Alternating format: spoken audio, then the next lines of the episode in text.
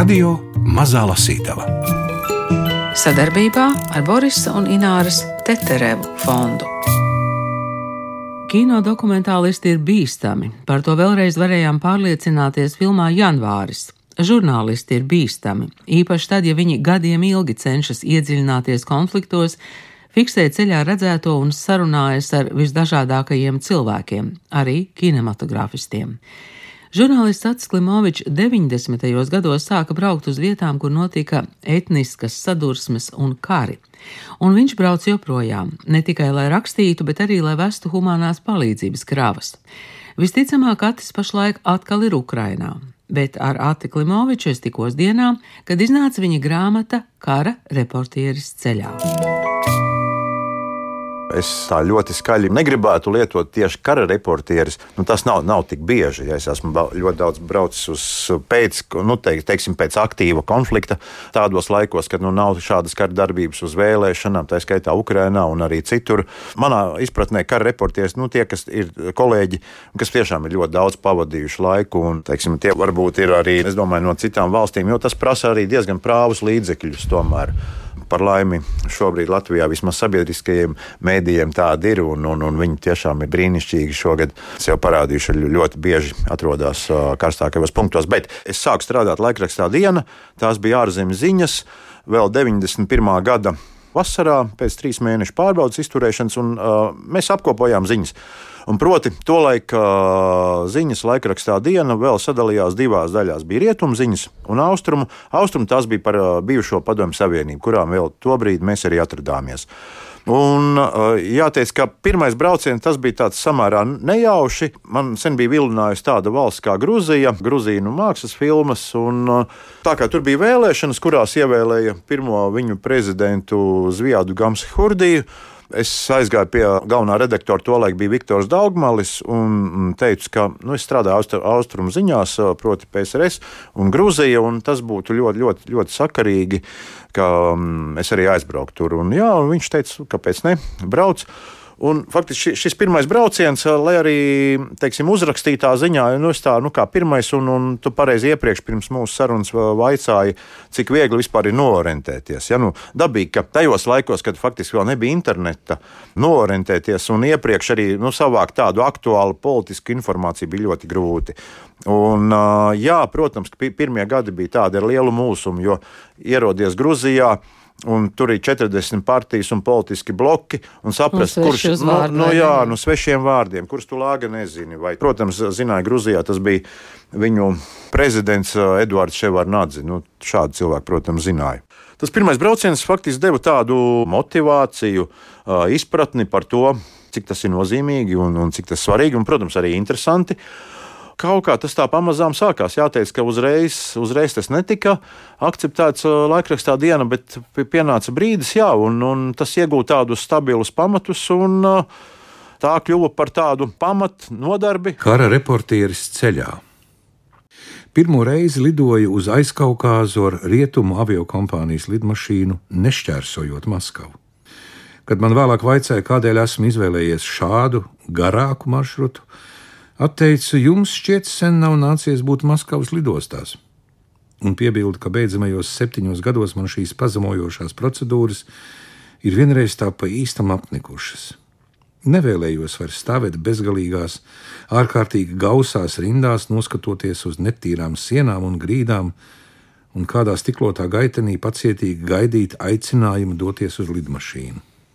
Jā, es biju lidojis garām Krievijai, jo man gribējās izvairīties no daudziem nepatīkamiem mirkļiem, bet manas cerības bija izrādījušās visai naivas. Pusotra mēneša laikā, ko pavadīju Dienvidu Kaukazā, kāds grūzīns reiz man aizrādīja, ka tikai skatoties no Maskavas, viņi dzīvojot aiz Kaukāza kalnu grēdas, tāpat kā latvieši Pribaltikā. Es katru dienu kādam biju spiests skaidrot, kas tad īsti notiek Latvijā, gluži kā tāds tautas diplomāts. Un par Latviju kādēļ piekauti krievu pensionāri, par fašistu gājienu un krievu apspiešanu. Nu, par to man vajadzēja visur - Grūzijā, Armēnijā, Dienvidosetijā un Azerbaidžānā. Informāciju par notikumiem Latvijā šajās zemēs iegūstam gandrīz vai vienīgi no Krievijas televīzijas kanāliem. Tādēļ tik daudz jautājumu vai arī neizpratnes. Šodien tikai trīs epizodes no Ata Klimoviča grāmatas Kara reportieris ceļā - Grūzija, Afganistāna un 2014. gada Ukraina. Lasa Gunārs Āboliņš. Radio Mazā Lasītava. Reizums mani vārdi pārliecināja, reizēm strīdējāmies, tomēr lielākā daļa kaukāziešu, kuriem jēdzieni Krievija un Krievijas politika nav sveši, mani saprata. Taču tobrīd, pirmajā saulēnajā dienā pēc ierašanās Tbilisī, par to vēl nedomāju. Ļāvos gluži vienkārši priekam, kādu sajūta cilvēks, kas vienas dienas laikā no agra pavasara Rīgā nokļuvis dienvidos. Izstaigāja vecpilsētu un dažu labu romantisku gadsimta sākuma pagalmiņu, tad šķērsoja bijušo Leņķina laukumu, ko tagad sauc par brīvības laukumu, un gāju pa centrālo Rustavelī prospektu. Beidzamos divus gadus nebija redzējis Tbilisī. Raugoties uz jaunatvērtajiem restorāniem, rietumos ražotajām automašīnām, jaunajiem un par sevi pārliecinātajiem cilvēkiem ar mobilajiem telefoniem rokās, meklēju kādu frāzi, kas raksturotu šajā laikā notikušās pārmaiņas.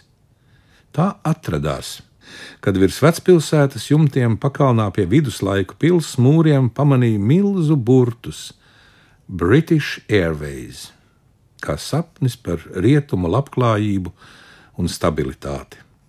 Tomēr visticamāk, gan vēl ilgi neaizsniedzams. Esmu ciemos pie draugiem. Beidzamo piecu gadu laikā vairākas reizes esmu dzīvojis pie viņiem, netālu no pilsētas centra, Staļina laika piecstāvu mājā. Mēs apkampjamies īstā kaukāziešu stilā, lai gan saimniece ir krieviete. Toties viņas dēls Iraklīs, jauns kinorežisors, ir īsts gruzīns. Astoņos vakarā istabā iedegs gaisma. Arī visapkārt pretējās mājās. Laikam neko citu Grūzijā tik precīzi neievēro kā elektroenerģijas padeves režīmu. Divas stundas no rīta un četras vakarā. Ne vairāk un ne mazāk gluži kā nomērīts. Vakaros jau pēc pusnakts, kad atbildīgie vīri elektrību atkal izslēdz, visur kā pēc vienotas komandas iedūcas lielāki vai mazāki motori un strāvas ģeneratori. Rūkoņi skan no balkoniem un māju bērniņiem, toties, kam tādu rīku nav, nākas iztikt ar svecēm vai petrolejas lampām. Nav šaubu, ka tumsa spēja nomākt pat vairāk nekā ēdienu trūkums. Tagad visi pārlieku daudz cerību saist ar naftas vadu pa kuru cauri Grūzijai tiks sūknāta nafta no Azerbaidžānas. Protams, no tā vien mēs neko īpaši lielu neiegūsim, tomēr šo peļņu varēsim ieguldīt citās nozarēs, saka Iraklīs. Bet kā uz nākotni raugies tu pats, režisors, kas piederīgs pie leģendārā gruzīnu kino? Domāju, ka divi, trīs gadi būs ļoti grūti. Kino režisoru mums ir ļoti daudz, vieglāk tiem, kuru vārdi jau ir plaši pazīstami. Domāju, ka vajag ļoti vēlēties to darīt, un tad jau arī man izdosies. Visu, kas jādara filmēšanas laikā, es varu paveikt. Ja nāksiet pie pilsētas administrācijas, lai par kaut ko vienoties, arī to es varu. Es tur aizēju kā pa sapņiem un visu izdaru. Un nebaidos, ja vajag iedzīt naglu sienā. Drīzāk uztraucos, ka cits to varētu izdarīt slikti. Rudenī arī man cerams izdosies uzfilmēt pusstundu garu spēļu filmu. Tajā viss ir vienkārši. Notikumi norisinās vienā dzīvoklī, tādēļ naudas nevajadzēs daudz, pat ja pieņem, ka man no visa tā Grūzijā nekas neizdosies. Dzīvē taču ir tik daudz visa kā cita, ne mazāk būtiska. Uzturēt labas attiecības ar cilvēkiem, draudzēties, un arī tad varēs teikt, ka dzīve nav pagājusi veltīgi, bet Grūzijā būs kino. Tu esi bijis arī kara zonā. Jā, jā, protams, protams. Nu jā, tā, tas bija Inguša Osetīna konflikts. Konflikts Osetijā, Grūzijā, pēc tam Abhāzija, Armēnija, Azerbaidžāna. Tur, kā zināms, pēc tam bija karš Karabahā. Un tad sekoja karš Čečenijā, kas bija Krievijas, juridiski Krievijas iekšējā, iekšējais konflikts. Vai es faktiski, es domāju, ap kādu, teiksim, 90. gadu vidu vairs nebija šaubu, ka to jādara ka tam ir kaut kāda jēga. Tiesa šo dziļāko jēgu un kāpēc tas vispār jādara, es domāju, ka mēs īsti mūsu mēdījos, īsti Latvijā nesapratām līdz pat šā gada februārim, kad sākās lielais karš, kad beidzot nu, vadošie Latvijas mēdīji arī saprata, ka tas ļoti attiecās uz mums. Mums ir jādod pašiem savas ziņas, pašiem jāspēj norentēties, saprast, dot saviem skatītājiem, klausītājiem, lasītājiem savu informāciju. Jā. Bet es pieķēros pie tā viena teikuma, kas tev bija šeit rakstīts, ka tu esi žurnālists un tu visu pieraksti. Tādās nu, ekstrēmās vietās, ekstrēmās situācijās, pa kuru laiku vēl kaut ko pierakstīt. Nē, nu, protams, ka ekstrēmās situācijās pavisam ar citām lietām nodarbojies. Vai teiksim, tas ir bijis Čečenijā, kad mēs tajā brīdī mēs bijām piebraukuši pie tādas um, nepārāk dziļas upes, ko varēja šķērsot, un mēs uh, pamanījām gaisā. Nu, iespējams, ka nu, mēs, jau, mēs jau nevarējām zināt, vai šai lidmašīnai Krievijas armijas ir ļauni nolūki vai nav, bet mēs tad trīs reportieri izlecām ārā un uh, strauji uh, skrējām uz krastu kaut kur pie akmeņiem kādiem lielākiem, naba, nabaga šoferītis, tas brauc ar to astoto žigulīti, vai nu kāds nu bija tas žigulītis pāri, ja nu nekas nenotika. Ja. Protams, ka tādos brīžos neko neraksti arī tad, kad uh, jāpārskrien pāri uh, ielām, kur var būt, teiksim, kuras var apšaudīt snaipers, vai jālec augšā no gultas un uz, uz pagrabu raksta pēc tam. Un, un tā darba specifika jau bija tāda. Pirmais Čečenijas karš, tā faktiski žurnālistiem tā bija pats nu, teiksim, ideālākais darba lauks. Jo, kāpēc? Krieviju mēs tajā laikā, tas ir 94. gada decembrī, sākās šis karš, turpinājās 95. laikam, šķiet, 6. beidzās. Krieviju mēs pēc tajā laikā varam uzskatīt par pietiekami demokrātisku valsti, ar to es saprotu brīvus mēdījus, tomēr daudzpartiju sistēmu un, un, un pietiekami atvērtu valsti visam apkārtējai pasaulē. Tas arī deva iespēju arī žurnālistiem strādāt pilnīgi brīvi. Un tas izpaudās tā, ka mēs vienlaikus varējām no rīta sākuši strādāt, doties pie Krievijas armijas karavīriem, aprunāties ar viņiem konkrēti mēs piebraucam pie kāda ciemata, kuru aplenkuši, teiksim, ir posteņi, ir Krievijas armijas posteņi. Aprunājamies tur ar karavīriem. Ja? Uzzinām, kā viņi skatās, kā viņiem klājās, ar ko viņi karo un vispār, vispār kas notiek. Pēc tam mēs sakām, nu, mēs tagad iebrauksim ciematā iekšā. Jā, brauciet. Tur mēs satiekamies ar čečenu kaujiniekiem, kuri savukārt aizsargājās, un, un, un mēs aprunājamies ar viņiem. Un tad, tad mēs braucam atpakaļ, nokļūstam, kur nu mēs katrs dzīvojam, viesunamā dzīvoklī vai kādā viesnīcā, protams, kaut kur tālāk. Un tad mēs gatavojam reportāžu. Un, un pie tam, ņemot visu to vērā, ka mēs satiekamies ar vienu pusi, ar otru pusi tad uh, mēs veidojam pēc jaunajiem principiem, kāda ienāca Latvijas žurnālistikā, nu, maksimāli objektīvi, gan vienu pusi, gan otru, un parādot, un lai lasītājs ja, iz, iz, iz, izvērtē. Nu, labi, bet kurā brīdī tas mainījās Krievijā? Tas mainījās līdz ar 99. gadu, kad pie varas nāca, un tas bija laikam gadu mijā, nāca uh, Putins. Čekists uh, ļoti labi apzinājās, ka Viņam nav pa ceļam ar brīviem mēdījiem, tos viņš pamazām laika gaitā iznīcināja, neļāva iebraukt, aizvēra Krieviju ciet pirmkārt jau ļoti daudziem daudzu valstu žurnālistiem, kuri brauc uz Čečeniju, rakstīja, rādīja to, ko viņi redzēja, kas bija patiesība. Nu, es, es iekļuvu viņu skaitā. Zināmā mērā paldies par darbu novērtējumu, bet es labprāt tomēr brauktu uz Krieviju. Bet, nu, saprotams, ka tas nav iespējams. Tas jau, protams, nav nekas unikāls. Mēs zinām, vēsturē, nu, Hitlera Vācijā diezin vai varēja strādāt uh, žurnālisti brīvi Staļina un vēlāk Padomju Savienībā. Tur nav vietas brīvai presē. Arī es domāju, šobrīd arī teiksim, tādā valstī kā Baltkrievija. Ja, kur 2000. gadā Baltkrievu robežsargu virsnieks uzzinājis, ka es esmu žurnālists un rakstu to, ko es redzu Baltkrievijā. Mums šķiroties, viņš teica šādus vārdus, un vispār tādus kā tevi vajadzētu nošaut. Drosme uzņemt kino Afganistānā. 2007. gada mākslas filmas Osama autors, afgāņu kinorežisors Barmaks Sidiks, devies uz Polihomrī pilsētu Afganistānas ziemeļdaļā, kur sākts darbs pie viņa otrās filmas aktieru filmas, kam dots pagaidu nosaukums Opija karš. Dzīvojot šajā valstī, ir vajadzīgs milzu spēks lai nepadotos skarbajiem ikdienas apstākļiem, nepazaudētu vēlmi pēc radoša darba un uzturētu mūžu prātu kur nu vēl radīt filmu scenāriju, un pēc tam to arī realizētu. Seši afgāņi, kas vienlaikus ar Barmaku 80. gados mācījušies Maskavas kino institūtā, VGIK, jau sen dzīvojot citās valstīs. Dažs Anglijā, dažs Itālijā, kāds cits Vācijā. Neviens no viņiem nestrādājot kino, bet vienkārši pelnot sev iztiku. Es braucu un satiku viņus. Man likās, ka viņi ir pazaudējuši sevi. Tā ir dzīve starp debesīm un zemi. Viņi nevar būt īsti austrumnieki un nevar kļūt par rietumniekiem. Ja tas tā notiktu, šie cilvēki kļūtu par neko. Etnosos un nācijās ir zināmas sistēmas, kuras ir ļoti svarīgas atsevišķi cilvēku dzīvē, stāstīja kino režisors. Viņš atzīst, ka vajadzīga drosme stāties pretī daudzajām problēmām, lai paliktu Afganistānā un nodarbotos ar kino. Opija kara uzņemšanai noslēgta vienošanās ar dažiem zemniekiem, ka viņi speciāli filmas vajadzībām iekops nelielu magoņu lauku. Drīz jau tas būs vienos ziedos, un tur tiks uzņemta kāda no epizodēm. Cilvēku savstarpējās attiecības, attieksme pret dabu, dažādu kultūru satikšanās - tāda ir režisora negribīgā atbilde uz jautājumu, par ko būs šī filma.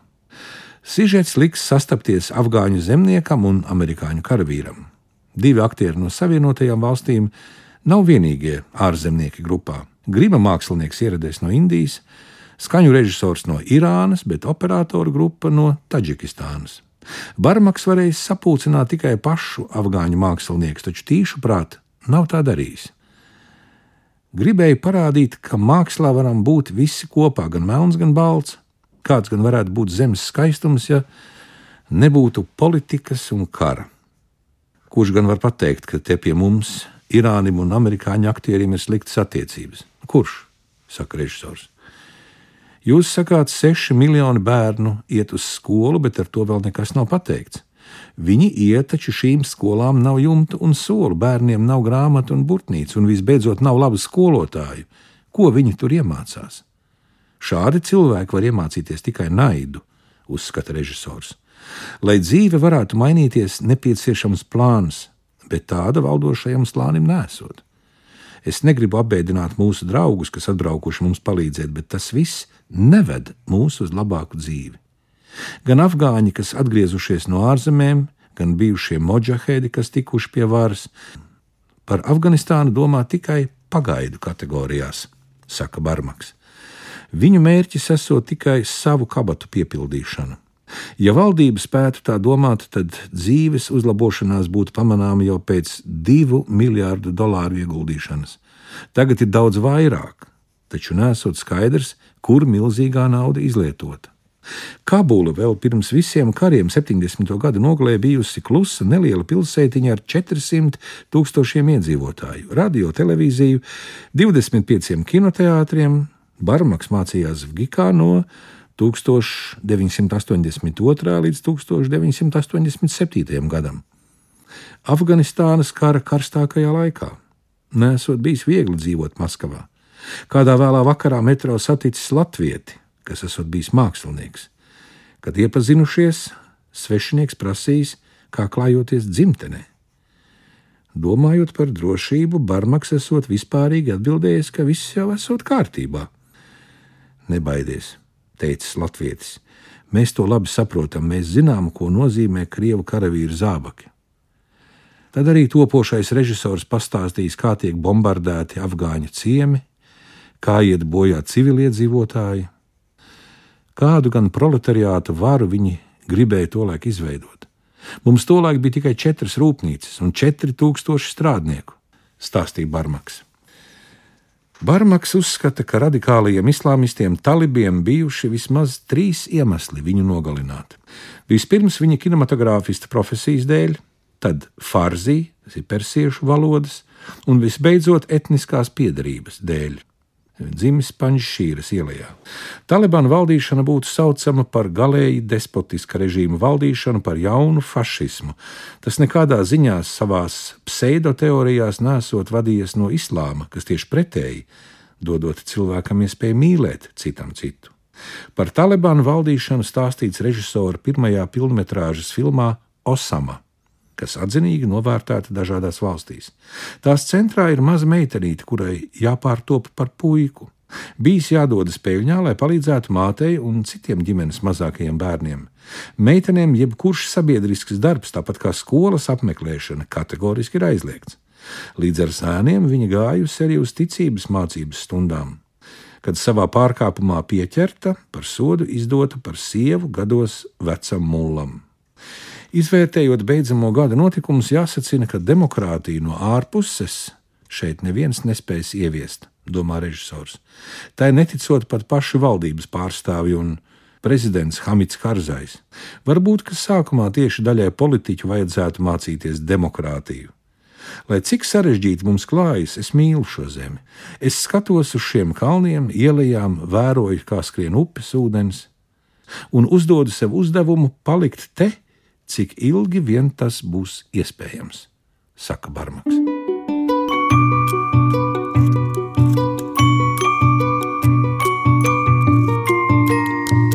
Radio Mazā Lasītava. Ukrāņi jau saka, ka karš turpinājās, vai ne? To tu arī jūti, ka karš jau bija sācies 14. gadā. Jā, karš, karš sākās 14. gadā, un um, nu, karš būtībā lielās līnijās, kā ja mēs paskatāmies vispār tā krietni plašāk, Ukraiņi saka, ka karš turpinās 300 gadus. Ja, šī te, uh, cīņa, neteiksim, aktīvajās formās, bet uh, cīņa ar uh, okupācijas režīmu, pretošanās, ka tiek iznīcināti. Tiešām mēs zinām, tas ir pagājušā gadsimta laikā, ka Ukraiņu rakstniecības zieds vai mākslinieku zieds, muzeķu zieds. Ja, tā ir cīņa. Bet, ja mēs sašaurinām, jā, protams, viss sākās, manuprāt, ar to, ka tika lietoti šaujami ieroči Maidanā, proti 14. gada šķiet, tas bija februāris, kad cieņas revolūcija faktiski kulminēja un, un uzvarēja, kad tika lietot, manuprāt, vairāk kā simt cilvēki ja, tika nogalināti toreiz. Es domāju, ka tas bija Maskavas pamudinājums Janukovičam šādi rīkoties. Tad uzreiz faktiski sekoja notikumi Krimā, tas bija nākošais solis. Un, un pēc tam jau, jau bija Donbass ar, ar Girkinu, ar, ar visiem te, nu, kā nu viņus to visu sauca. Nu, jā, es domāju, aktīvākās kaujas bija laikam 2015. 2016.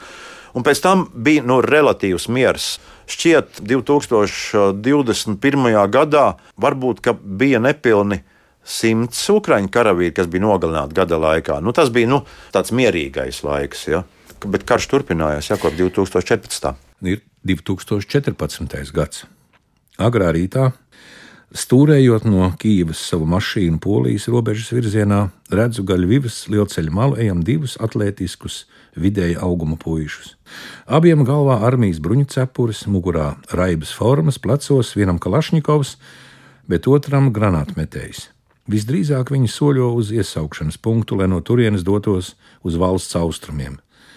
Lai gan regulāri esmu braucis uz Ukrajinu, bieži pats atrastamies pie stūres, 20 gadu laikā šādas ainas tur līdz šim neesmu novērojis.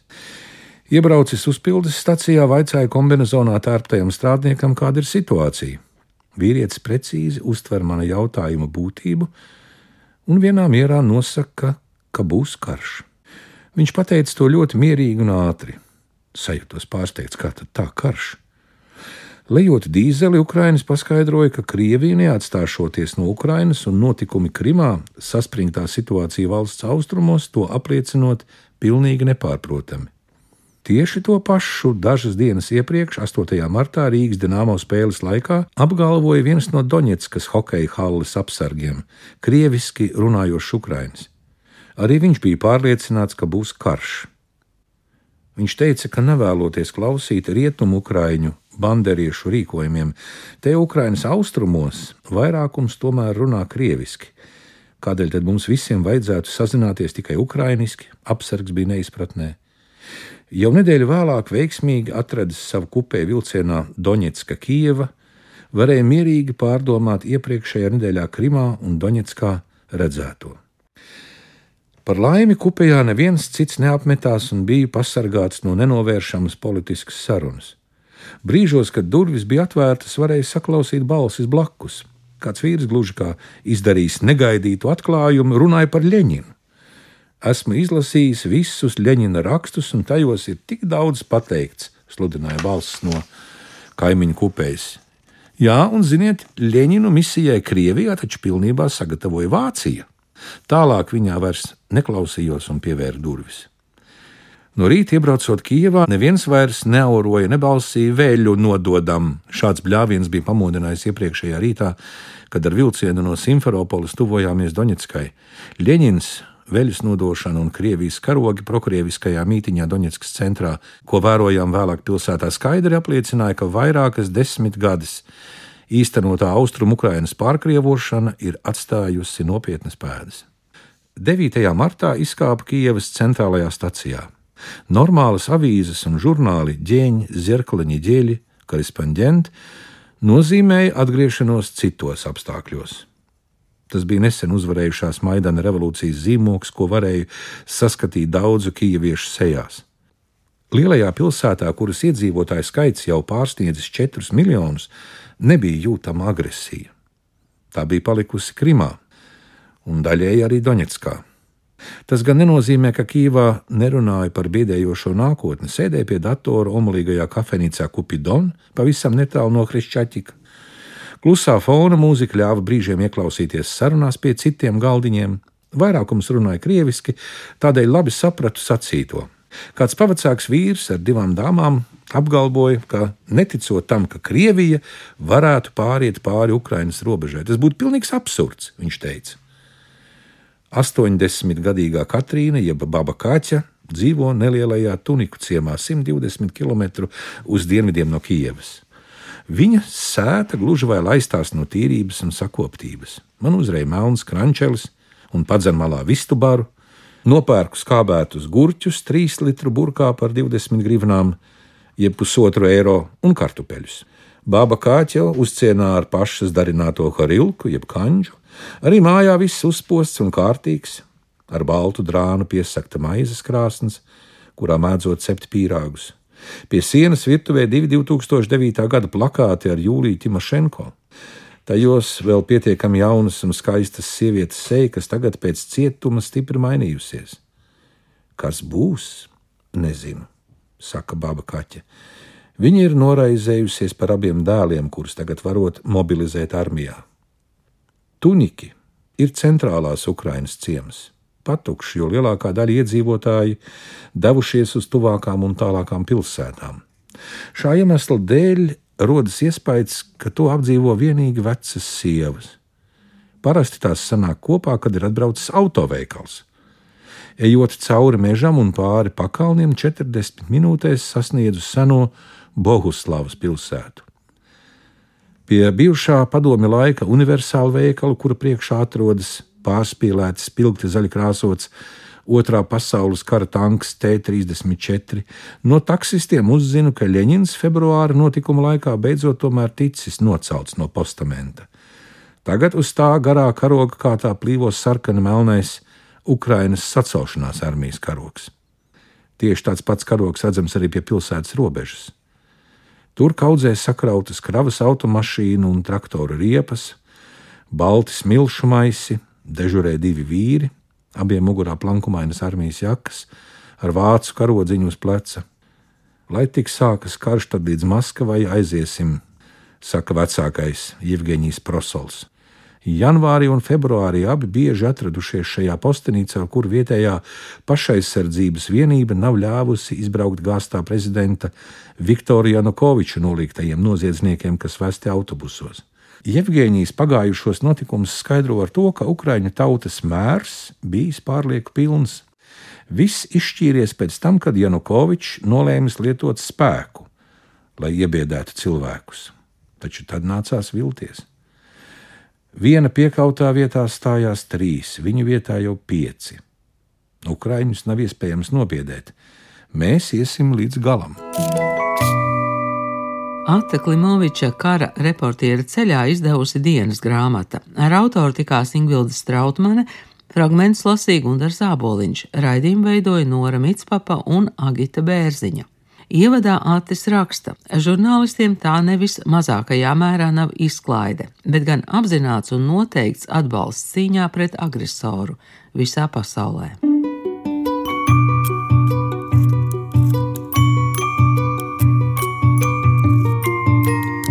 Radio Mazā Lasītava sadarbībā ar Borisa un Ināras Teterevu fondu.